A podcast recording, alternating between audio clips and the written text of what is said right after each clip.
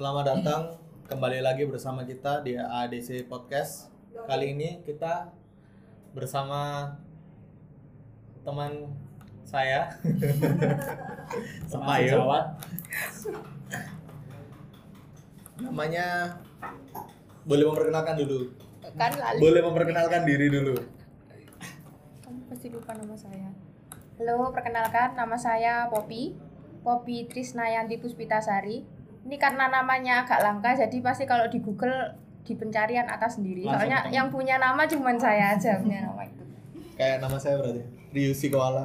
Kalau di Google pasti nemunya nama saya aja. nama nama asli Eh, Mbak Popi ini seorang blogger ya. bisa dibilang begitu karena lima tahun itu juga tidak sengaja tanpa tujuan kok eh tiba-tiba sudah lima tahun aja Wis. Nganu nih, mau tanya. Dulu mulai ngeblog itu sejak kapan? Kira-kira itu 2013. Eh bukan kira-kira. Saya ingat banget kok. Tanggal 4 Juni. Postingan ini dihitung dari postingan pertama ya. Hmm. Kalau postingan pertama itu tanggal 4 Juni 2013. Itu saya semester 3. Semester 3. Hmm, semester 3. Pada mulanya ya cuman pengen itu sih apa? Merapikan tulisan-tulisan yang ada di laptop Hmm. supaya akhirnya nanti juga eh, dibaca orang, mungkin dapat kritik saran seperti itu. Tapi Tapi kalau tujuannya seperti itu. eh, hobi menulis sendiri mulai dari kapan? Pasti gak SD. Pasti gak SD. Hmm. Berarti dari awal ya udah biasa nulis gitu mulai zaman masih nulis kan dulu anak SD kan nggak boleh pakai bolpen ya jadi iya. pakai itu pensil, Pensil. Nulis binder. Kalau aku dulu SD nulis binder, biodata, Mafa, Mifa. gitu juga gak? kenangan gitu Berarti udah dari awal gitu ya seneng Uh. sama menulis. Hmm. Eh, berarti eh, kalau mulai blog dari SA 2013 ya tadi ya? sebenarnya sih SMP udah bikin Oh, SMP udah bikin cuman dengan personality waktu SMP SMP dulu kan ya kehidupan saya yang dulu bukan yang sekarang ya jadi dulu kan SMP itu saya nggak punya teman terus juga eh, dibully juga dan Oh. seperti itulah juga dianggap salah satu siswa yang paling bodoh di sekolah jadi formatnya ketika saya bikin blog pertama kali itu hitam semua semuanya serba hitam Emo. kayak gitu. Gotik. Terus Gotik bikin emo. lagi yang kedua itu waktu SMK, tapi saya lupa SMK kelas 10 atau kelas 11 itu bikin lagi. Tapi yang dua blog itu sudah nggak pernah saya isi, lupa passwordnya juga, tapi masih masih berkeliaran mereka berdua di Google. Terus akhirnya yang 2013 itu sampai sekarang. Eh, berarti aktivitasnya dulu cuman masih menulis ya. Kalau Hmm. gabung-gabung dengan eh, komunitas itu mulai dari kapan? Itu masih barusan waktu kuliah. Jadi waktu semester mulai semester 3 itu saya baru ini kalau yang komunitas luar kampus ya. Kalau luar kampus itu saya mulanya itu kenal dengan Pelangi Sastra Malang itu. Pelangi Sastra Malang. Mm-mm. Itu, Itu. gimana? Semester 3. Oh ya. Itu pertama kali saya kenal dulu koordinatornya Pelangi Sastra Malang, koordinator abadi. Mas Denny Mizer itu. Nah, saya kenal Mbak Mas eh, Mbak sama Mas Denny Mizer itu dari Mbak Eni Candi. Dia juga penulis juga, salah satu guru menulis saya juga. Waktu itu jadi di fakultas ada acara nulis terus saya bingung untuk cari pemateri siapa sih pematerinya yang unik. Terus saya ke Mbak Enit itu tadi dikasih kontaknya Mas Denny. Nah sejak saat itu sejak Mas Denny ngisi acara itu akhirnya saya ikut terus acaranya Pelangi Sastra. Jadi sama dia dikasih kontaknya gitu. Mulai aktif gitu ya. mulai ikut-ikut kelas gratis sih. Hmm. bisa dibilang aktif atau enggak soalnya saya cuma memanfaatkan kelas gratis saja Dan bilang aktif lah ya paling enggak ya. kurang ikan Eh, berarti jadi kalau eh, proses kreatif yang ada di komunitas tersebut misalnya kegiatannya gitu Heeh. kayak gimana, Pak? kalau proses kreatif itu gini sih saya di komunitas itu yang bener-bener saya dapat itu lebih ke lingkungannya jadi kalau di grup WA-nya Pelangi Sastra Malang misalnya ya setiap hari itu ketika saya pertama kali ketika saya pertama kali gabung itu saya kaget gitu lihat postingan tiap hari oh mas ini tulisannya masuk di media ini oh mbak ini dia dapat panggung di sini. Oh pak ini dia berangkat ke kota ini untuk ngisi acara bla bla bla. Dan tiap hari itu apa ya orang-orang ini isinya eh, produktivitas mereka terus gitu. Oh. jadi akhirnya di situ dari lingkungan seperti ini akhirnya saya terpacu seperti itu. Jadi lebih ke lingkungan sih. Lingkungannya luar biasa memang bagus banget. Jadi kalau sharing-sharing gitu? Sharing-sharing banyak banget di situ kelas belajar. Kemudian juga eh, kakak-kakak yang di situ lebih awal dari saya itu juga mereka terbuka sekali. Misalnya mbak aku mau sharing masalah ini dong tulisanku correction dong gitu. Hmm, saling support istilahnya ya? Istilahnya saling support. Jadi kalau misalnya aku ingin belajar nanti ke situ juga bisa? Bisa semua orang bisa sebenarnya yang disebut anggota di situ juga siapa pun yang datang waktu kelas gratisan itu yang datang hari itu ya itu anggota kayak gitu loh Kak, di Hmm. situ welcome banget berarti Mm-mm. Nah, eh, kan tadi awalnya masuk karena ingin apa namanya me- me- mengambil keuntungan dari kelas gratis. Nah, kalau misalnya pandangan awal nih sebagai penulis yang pemula itu harapannya gimana? Harapan ingin menjadi penulis kah atau hanya eh, ingin meningkatkan kualitas tulisan itu gimana? Kalau harapan awal saya yaitu tadi saya ingin mendapatkan lingkungan yang benar-benar kondusif untuk menjaga semangat tadi. Nah di situ nanti akan berbarengan kan yang namanya kualitas seperti itu. Jadi saya dulu di situ dari ejaan masih berantakan banget sampai sekarang ejaan agak lumayan itu dari teman-teman situ. berantakan. Jadi gara-gara situ ya, maksudnya pengembangan diri lah ya. Pengembangan, iya. Berarti eh, obsesi awalnya mungkin lebih ke diri sendiri ya, bukan Iya. belum belum melihat ke depan banget ya. Ah. Nah, eh, selanjutnya mungkin langsung aja ke proses kreatif ya menja- dalam penyaluran ide menjadi tulisan. Hmm. Nah, ada nggak sih inspirasi tokoh, inspirasi paling utama Mbak Popi? Misal tokoh atau mungkin buku atau mungkin artikel atau mungkin cerpen yang menurut Mbak Popi paling berpengaruh? Kalau bacaan sih banyak ya. Kalau bacaan nama-nama penulisnya banyak. Cuman gini, jadi dulu eh, ibu saya itu seorang pembaca berat, bahkan saya itu jauh di bawahnya beliau. Jadi ibu saya tidak pernah nyuruh saya untuk kamu baca buku, baca buku itu bagus, bla bla bla nggak pernah seperti itu. Jadi setiap eh, akhir minggu ibu saya pergi ke perpustakaan kota, kemudian beli- beliau menyewa buku. Nah beliau ketika selesai membaca buku itu naruh bukunya itu di rumah itu naruhnya sembarangan. Hmm, Saya yang, yang waktu itu masih SD itu kan kok ibu saya kok asik sih ini ngapain. Kemudian ketika bukunya ditaruh sembarangan itu saya diam-diam baca. Nah di situlah waktu itu saya umur 9 tahun itu pertama kalinya saya membaca buku apa eh, tulisan sastra itu tulisannya Seno Gumira Aji. Itu dari ibu saya. Judulnya waktu itu Manusia Kamar. Saya masih ingat sekali isi cerpennya apa. Jadi di situ pertama kali saya bertemu dengan sastra gitu tulisannya Seno Gumira Aji itu. Kalau influence-nya mungkin ke tulisan yang sekarang ini berdampak banget nggak?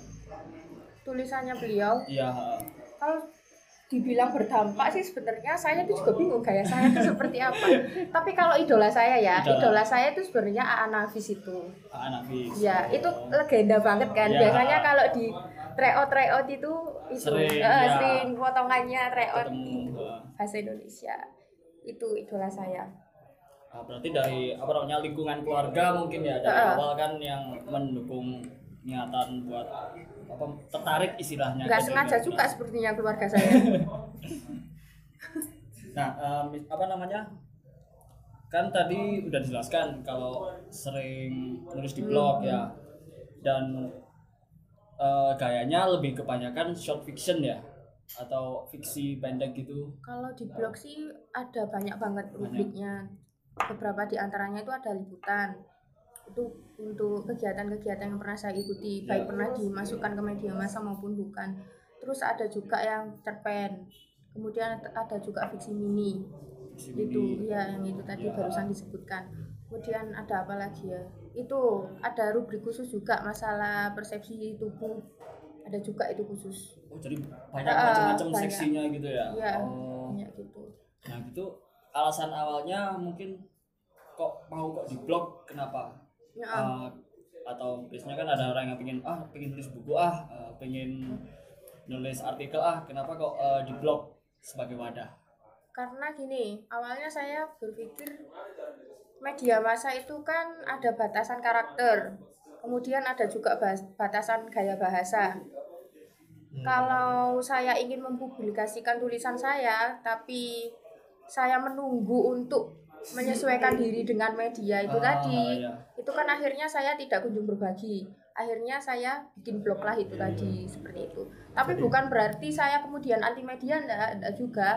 Saya tetap mengirim di media tapi juga tulisan-tulisan saya yang sekiranya tidak tercover di media itu saya masukkan di blog seperti itu. Jadi buat tulisan-tulisan yang lebih aneh-aneh, yang lebih Hmm, mestinya nggak boleh di media, itu ditaruh di blog. ditaruh di blog karena istilahnya lebih bebas gitu ya kan. Kita lebih nulis bebas. publish sendiri. Terus kayak ceritanya juga bebas nggak ada editor gitu kan. Um, dan kalau misalnya dalam proses itu sendiri kan dari awal udah lama gitu kan. Kesulitan atau mungkin dilema yang sering dialami.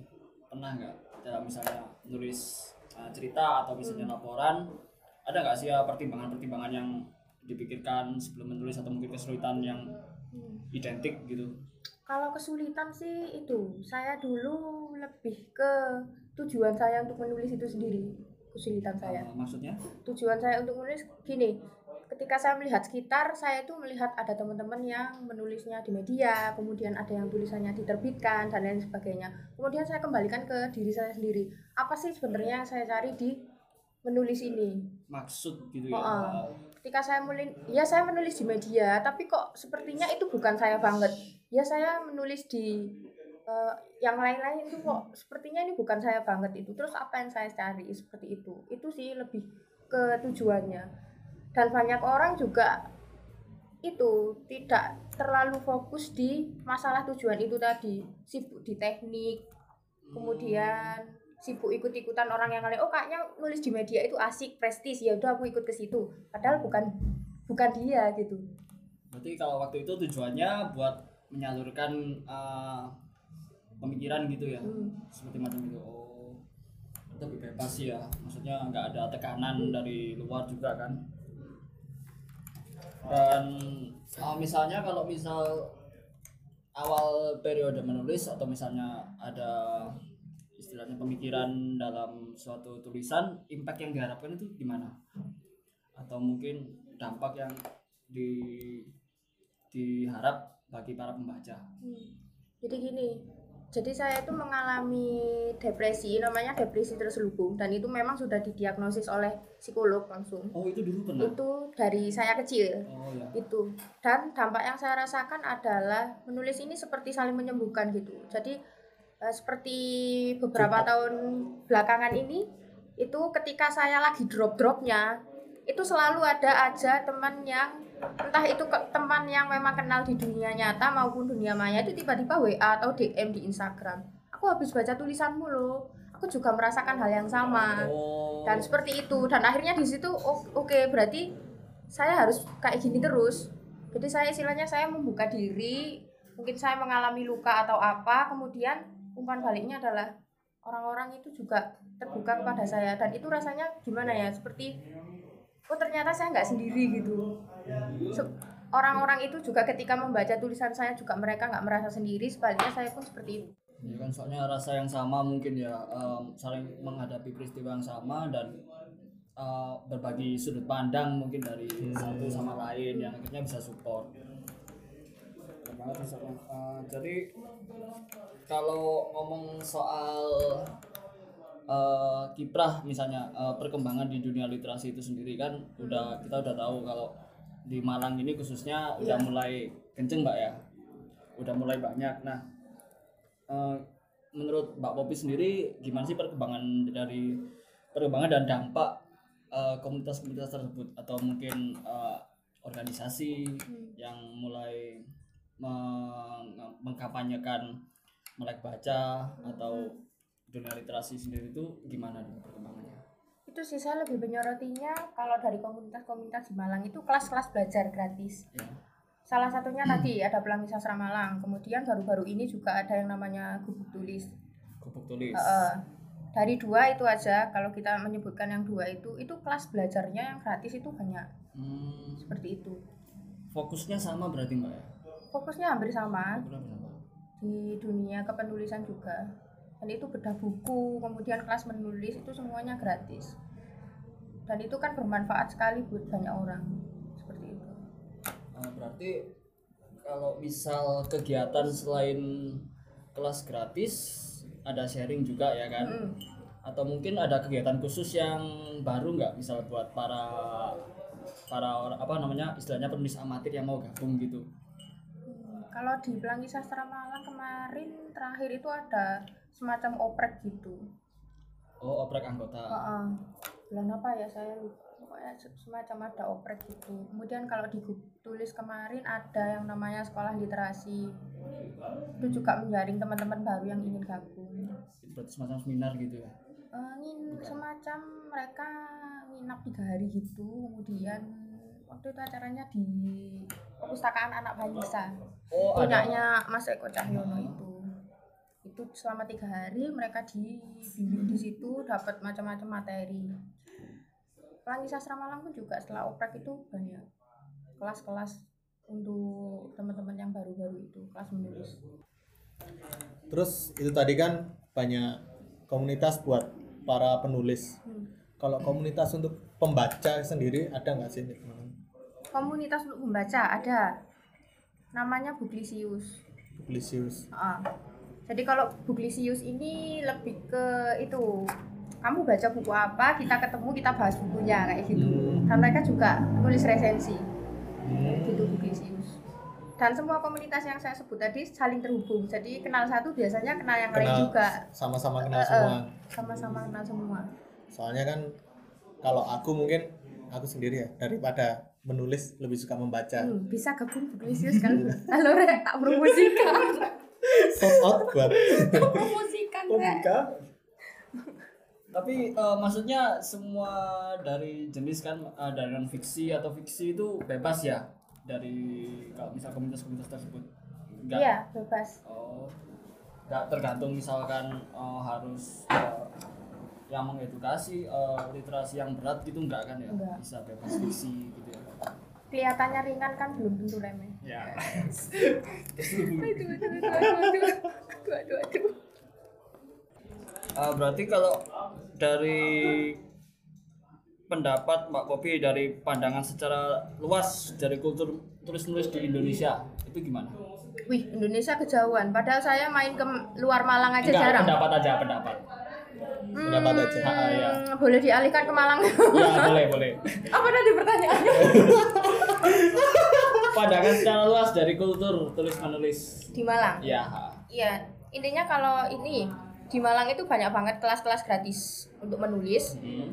Jadi teman-teman yang mungkin mendengarkan ini kalian jangan ragu untuk gabung karena sayang banget karena kelas menulis itu banyak dan lingkungannya luar biasa bagus dari semua komunitas menulis ini kayak gitu Gratis lagi. ya gratis Buruan gabung sekarang juga. Nah kalau dari Mbak Popi sendiri pandangan karir sebagai penulis itu gimana?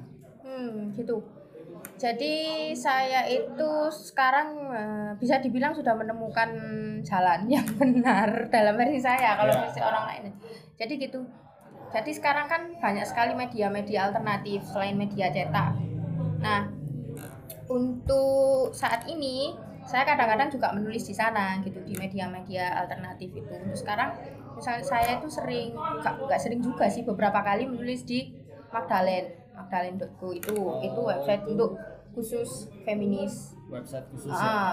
itu media online dan media-media alternatif seperti ini tuh banyak jadi untuk saat ini saya masih eh, berkonsentrasi di situ di media-media alternatif ini untuk berbagi Ngomong media lain nih. Ngerti tahu anu nggak apa namanya?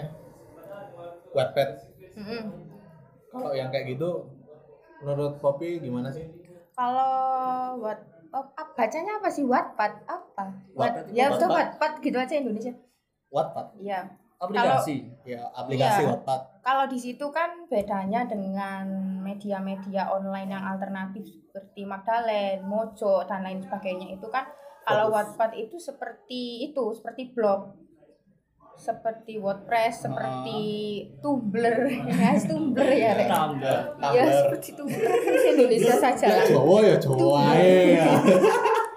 Iya, jadi di situ kan mereka tid- tidak ada yang memoderasi tulisan itu. Jadi Ah. tulisanmu mau kayak apa aja itu masuk. Nah, sedangkan di Magdalen, Mojok dan Islami.co banyak banget kan itu media-media online itu ketika tulisan masuk itu ada sistem moderasinya. Jadi mereka punya sensor-sensor tertentu, pakem-pakem tertentu supaya eh, sehingga tulisan yang dianggap layak itu baru boleh naik seperti itu. Berarti ada kayak kata-kata ini nggak boleh digunakan kayak gitu-gitu ada. Ya, hampir seperti itu atau mungkin ada penggantian kata Hmm. atau ada sisi edit di, seper- eh, di bagian ini ini atau gaya bahasanya kurang gimana gitu. Hmm. Itu Itu sistemnya bedanya. Sistemnya pakai admin yang mengkoreksi atau pakai bot. Jadi kalau misalnya kita pakai bot kan Ah, nanti ada tulisan apa gitu pasti semua apa di tulisan itu langsung diganti kalau misalnya harus diganti atau hilang kalau misalnya disensor Jadi mereka punya semacam apa ya? Redaktur, Admin. editor, Editor. ah, apa ya? Sistem ya. mungkin ya. editor Ah, ada seperti itu. Itu bedanya.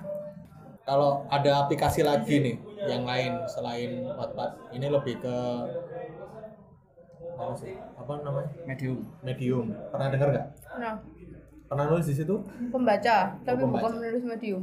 kalau menurut Mbak Bobi sendiri kalau Medium juga. bagus nggak medium itu Hmm, sama seperti itu kan sistemnya medium juga sama seperti WhatsApp seperti blog itu sama. Hmm. Jadi mereka tanpa sistem moderasi, jadi kamu langsung nulis di situ, Terserah itu langsung nulis apa. langsung tayang gitu. Berarti balik lagi ke, ke pertanyaan awal, kalau misalnya ada yang ingin mengejarkan sebagai penulis itu lagi mumpuni banget sekarang ya gitu. Hmm. Mungkin istilahnya. media online sekarang banyak banget Mungkin Hmm. lagi rame. Kalau misal ya eh, dari eh, sisi pasar misalnya aku sendiri kan dulu pernah nulis. Terus pengen nulis se- menulis buku atau menulis istilahnya novel gitulah. Itu kira-kira di sekarang di Indonesia sendiri tuh eh, bisa jadi anu enggak bisa jadi karir yang menunjang gitu enggak Oke gini, saya menyoroti di Ya. bagian pasarnya aja ya. pasarnya aja Ya, jadi kalau masalah pasar itu tadi, pasar menulis itu tadi tergantung pilihnya di jalur mayor apa indie gitu. oh Kalau kita di jalur mayor kita bedanya itu kan kalau kita di jalur mayor serahkan naskah, kalau naskahmu masuk mereka cetak Ya, gitu dan mengalami edit di sana sini. Ya. Tapi kalau jalur indie ya kita harus membentuk pasar itu sendiri. Seperti itu. Berarti bisa kan ya maksudnya bagi Hmm. orang-orang yang ingin memilih tergantung mereka sendiri kan Hmm, pilih ke mereka mau pilih jalur yang mana atau kedua-duanya juga nggak mustahil juga. kalau uangnya banyakkan mana nih karena karena nggak tahu gitu ya kalau orang uang kan tanyanya gitu pasti ya nggak uangnya banyakkan mana nih yang indie apa yang Bisa jadi sama loh. bisa jadi Sama Iya, sih bisa ya? jadi sama. kalau aku bayanginnya kan Hmm. kalau misalnya bikin buku yang terbit di percetakan gitu kan Hmm. kita nanti dapat royalti kalau bukunya disebarkan kan berarti banyak yang beli nanti uangnya kan lebih banyak Kalau itu gini, kalau di indie itu kan kita masukin naskah itu kita bayar sendiri. Ada yang Hmm. sis- sistem pertama kita memasukkan naskah kemudian kita bayar sendiri. Tapi sekarang juga banyak penerbit indie itu yang mereka itu sistemnya hampir sama dengan penerbit mayor gitu. Hmm. Jadi kita masukkan naskah, kita tapi nggak bayar apa-apa. Kalau naskahnya layak ya udah gitu. ya udah diterima dijual sama mereka seperti itu. Oh. Hmm. Jadi bisa jadi sama loh penghasilan.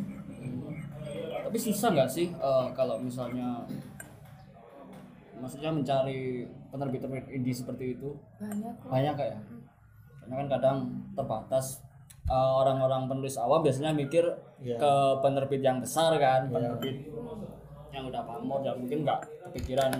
Bahkan mungkin nggak tahu. Ya bahkan mungkin mereka nggak tahu ya kan? Penerbit-penerbit apa aja yang ada di Indonesia sekarang ini? Hmm. kalau ingin menerbitkan sendiri Ya, itu repot nggak? Lebih repot nggak? Lebih repot pasti ya sama aja. Sama tergantung, aja ya? tergantung mau pilih yang mana, mau pilih yang tadi jalur bayar sendiri atau tadi. ya kalau bayar sendiri itu berarti semuanya kita bayar sendiri Oh. cuma menggunakan produksinya dari sana. dari sana gitu. Paling repotnya yang paling repot adalah membentuk pasarnya. Itu butuh waktu yang sangat-sangat lama. Jadi nggak tiba-tiba kita punya naskah terus diterbitkan terus orang-orang mau beli. Lah kita siapa kenal juga enggak? Enggak kayak gitu. Kita jadi harus telaten memperkenalkan diri. Ini loh aku punya karya ini. Kamu ini ini layak untuk dibeli kayak gitu. Yang kayak gitu sih aku pernah tahu satu orang dari penulis dari Jakarta sih. Dia penulis webtoon juga. Webtoonnya namanya Blue Serenade. Pernah baca? Belum. Belum. Itu webtoon Indonesia Blue Serenade. Hmm. Yang biasanya tak retweet. Mm-mm. ngerti kan? Eh, Mbak Mbak Dita. Aku itu ngikuti twitternya. Lucu loh orangnya ya tentang apa sih? Hah? tentang apa? Webtoon ceritanya tentang apa? Romance sih. Romance. Terus dia barusan ngeluarin buku Hello Goodbye. Itu dia di jalur India atau gimana? Kayaknya sih enggak. Soalnya dia kan ikut kerja di Ciayo komik jadi mestinya ikut penerbit besar Nah, selanjutnya kalau dari Pak Popi eh, pendapat mengenai bentuk atau proses karya tulis yang baik itu gimana? mungkin Ada- kan pendengar kita ada yang apa namanya baru penulis baru hmm.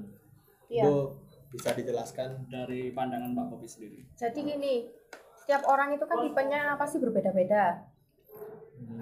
Seperti saya saya bukan tipe orang yang ketika membaca buku misalnya bukunya itu misalnya tuli- tulisannya gini ya kucing adalah hewan yang berkaki empat Hmm. memiliki ekor Hmm. bertelinga dua dan deskripsi seperti itu saya bukan tipe orang yang ketika membaca buku yang isinya seperti itu saya itu langsung paham jadi saya harus ketemu kucingnya beneran ketika saya ketemu kucingnya beneran itu saya baru paham ketika saya ketemu oh kucing itu ternyata bentuknya berkaki empat punya ekor telinganya dua itu baru kemudian saya baca buku dengan Oh. deskripsi yang seperti itu saya baru paham oh nah tapi maksudnya Mm-mm. Tapi ada juga orang yang tipenya kebalikan saya, cara belajarnya kebalikannya saya. Jadi mereka cepat sekali menangkap eh, tulisan-tulisan yang ada di dalam buku. Oh. Meskipun belum tahu kenyataannya, mereka sudah bisa membayangkan. Nah, ada dua tipe seperti ini. Juga ada yang campuran antara keduanya. Jadi berangkatnya dari apa tadi eh, proses kreatif Proses menulis kreatif, itu ya. di situ.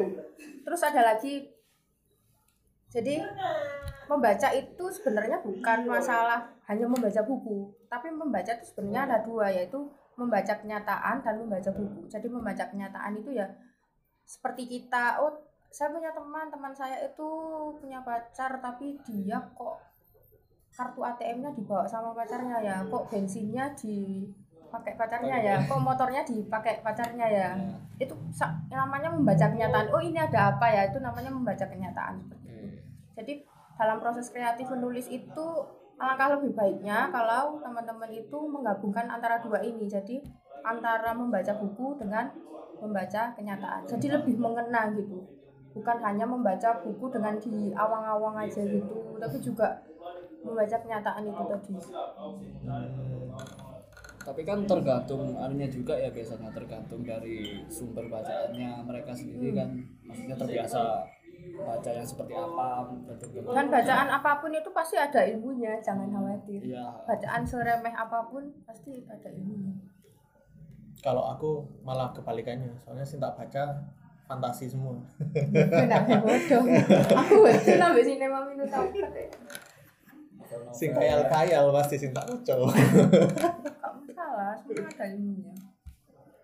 Ah, berarti kalau dari jadi Oh. kalau mau menulis buku Mm-mm. harus belajar membaca dulu nih Menulis apa pun. menulis apa pun Eh, harus belajar membacanya dulu Membaca, membaca dua itu tadi, kenyataan dengan buku. Kenyataan dan buku, bukan dengan dan buku. oke kalau dari dasar pemikirannya itu sendiri kira-kira yang dibutuhkan itu kalau benar-benar ingin oh aku pengen nulis sesuatu yang berkualitas itu dasar pemikirannya seperti apa? Dasar pemikiran itu maksudnya bahan-bahannya atau apa? Ah, ya mungkin gabungan dari bahan atau gabungan dari tujuan gitu ya Oh iya tadi saya mau ngomong tadi yang soal membaca kenyataan dan membaca buku saya dapat materi dari Gus Durian bukan original dari saya ya. Oh, dari Hai dari Gus Durian hai. Iya yang tadi. Jurusan. itu tadi ada satu pemikirannya. Kira-kira yang dibutuhkan untuk menghasilkan suatu karya tulis yang baik itu gimana? Intinya gini kalau teman-teman ingin menulis yang baik itu jangan pernah pilih-pilih bahan jangan pernah pilih-pilih bacaan. Apa pun di sekitar kita kenyataan apa pun itu bacaan apa pun itu pasti ada ilmunya seperti itu jangan eh, sok-sok apa ya? Ah buku Idealis. ini buku ini kurang berat lah nggak mutu apa jangan jangan kayak gitu juga. Semua itu pasti ada ilmunya. Jadi jangan pilih-pilih ya tinlit baca juga sinema pintu taubat ya juga ditonton lah. Pak Eh, se- semuanya tonton aja nggak masalah. Karena di situ nanti kita pasti nemu inspirasi. Iya banyak sesuatu yang unik ternyata dari itu apa semua hal yang istilahnya nggak nggak ada filternya ya diterima semua. Berarti istilahnya eh, yang penting start gitu ya mulai start Mm-mm. nulis dari mungkin segala eh, situasi atau keadaan yang ada. Udah pernah nyoba nulis bang Aku nulis chat. Aku dulu waktu SMP SMA nulis satu chapter novel. oh iya. Habis itu habis satu aku tulis terus aku baca, terus aku nangis, terus tak bakar. Soalnya malu. dibakar harus diminum nggak Enggak lah, Apa? kan enggak enggak ada editor. Kalau buku kalau buku Bisa. pelajaran mungkin bisa. bisa bikin pinter Enggak. Malu aku. terus Sama. selanjutnya nggak pernah lagi pengalaman menulis ya Eh, selanjutnya sih belum. Aku lebih suka baca soalnya. Jadi aku mengambil pelajaran-pelajaran yang bisa aku dapat dari soalnya kadang susah sih kayak seperti aku sendiri kan kalau mau nulis atau membaca itu benar tadi ada beberapa filter yang harus dianu. Nah itu kadang agak menghambat gitu kan. Jadi kita nggak nggak bisa. lama gitu prosesnya. Jadi kebanyakan mikir lah kebanyakan pilih-pilih. Bahkan dari kita baca komentar-komentarnya orang-orang di Instagramnya Lu Cinta Luna atau Ayu Ting Ting itu pun banyak bahan loh. Perdebatan perdebatan. Menarik. iya banyak bahan. Jadi kita nggak bisa meremehkan juga hal-hal yang seperti itu. Yang sepele-sepele. Heeh, dan itu sangat dekat dengan sekitar kita kan. Paling nggak tetap eh, membuka pikiran lah ya buat para para penulis yang belum kebiasa. Mungkin mulai melihat lebih luas ke sekitarnya. lihatlah dari hal-hal yang remeh.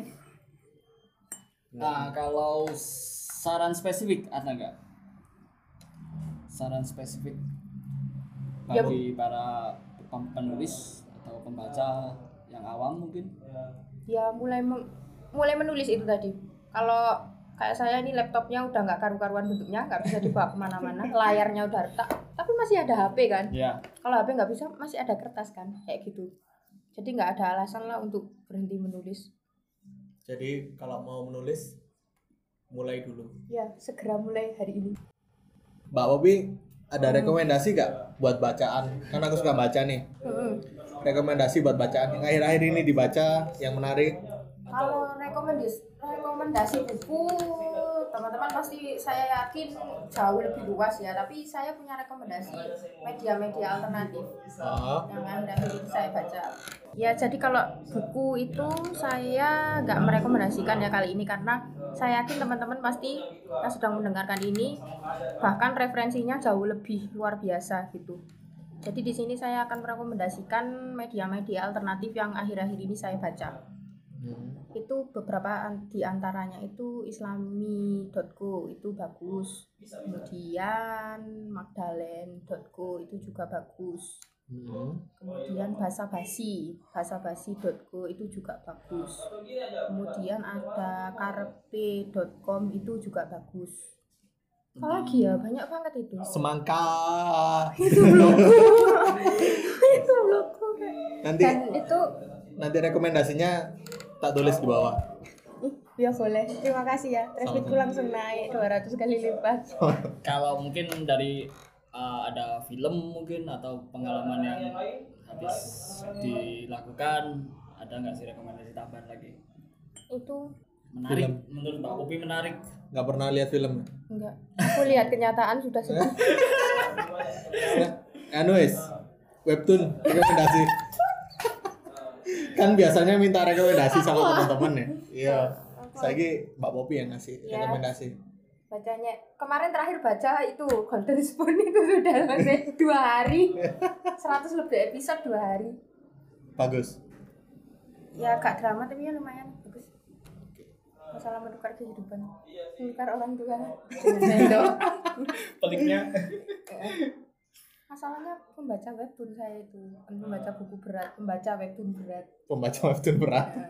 Nah, lah 100 100 lebih episode dua hari Iya, nganggur sih kalau itu. Uh lumayan. Nganggur sih kalau di itu. jalan di kamar mandi di mana mana baca webtoon. Disempatkan lah paling enggak ya. Iya karena kalau diri. sudah cinta sama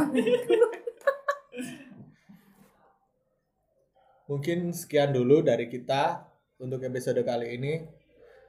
Kita mau berterima kasih buat Warko Brewo untuk yang telah menyediakan tempat untuk kita melakukan tapping ini tadi pancongnya enak nggak mbak enak. Enak kan? Yang penasaran rasanya pancong kayak gimana bisa langsung ke sini.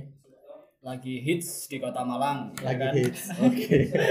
Pancong green tea. Sekian dulu. Terima kasih telah mendengarkan. Dadah